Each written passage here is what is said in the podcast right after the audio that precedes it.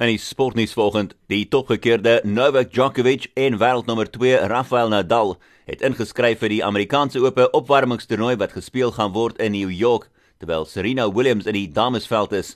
Die toernooi word normaalweg gespeel in Cincinnati, maar is geskuif na New York die verjaar as gevolg van die koronaviruspandemie. Dit sal plaasvind van die 20ste Augustus in 'n kwarantyneomgewing sonder enige toeskouers by die nasionale tennissentrum in Flushing Meadows waar die Amerikaanse Ope Grand Slam ook gaan begin van die 21ste Augustus af in soortgelyke kondisies. In golfnuus, die 120ste Amerikaanse Ope gaan plaasvind sonder enige toeskouers by Winged Foot van die 17de September af.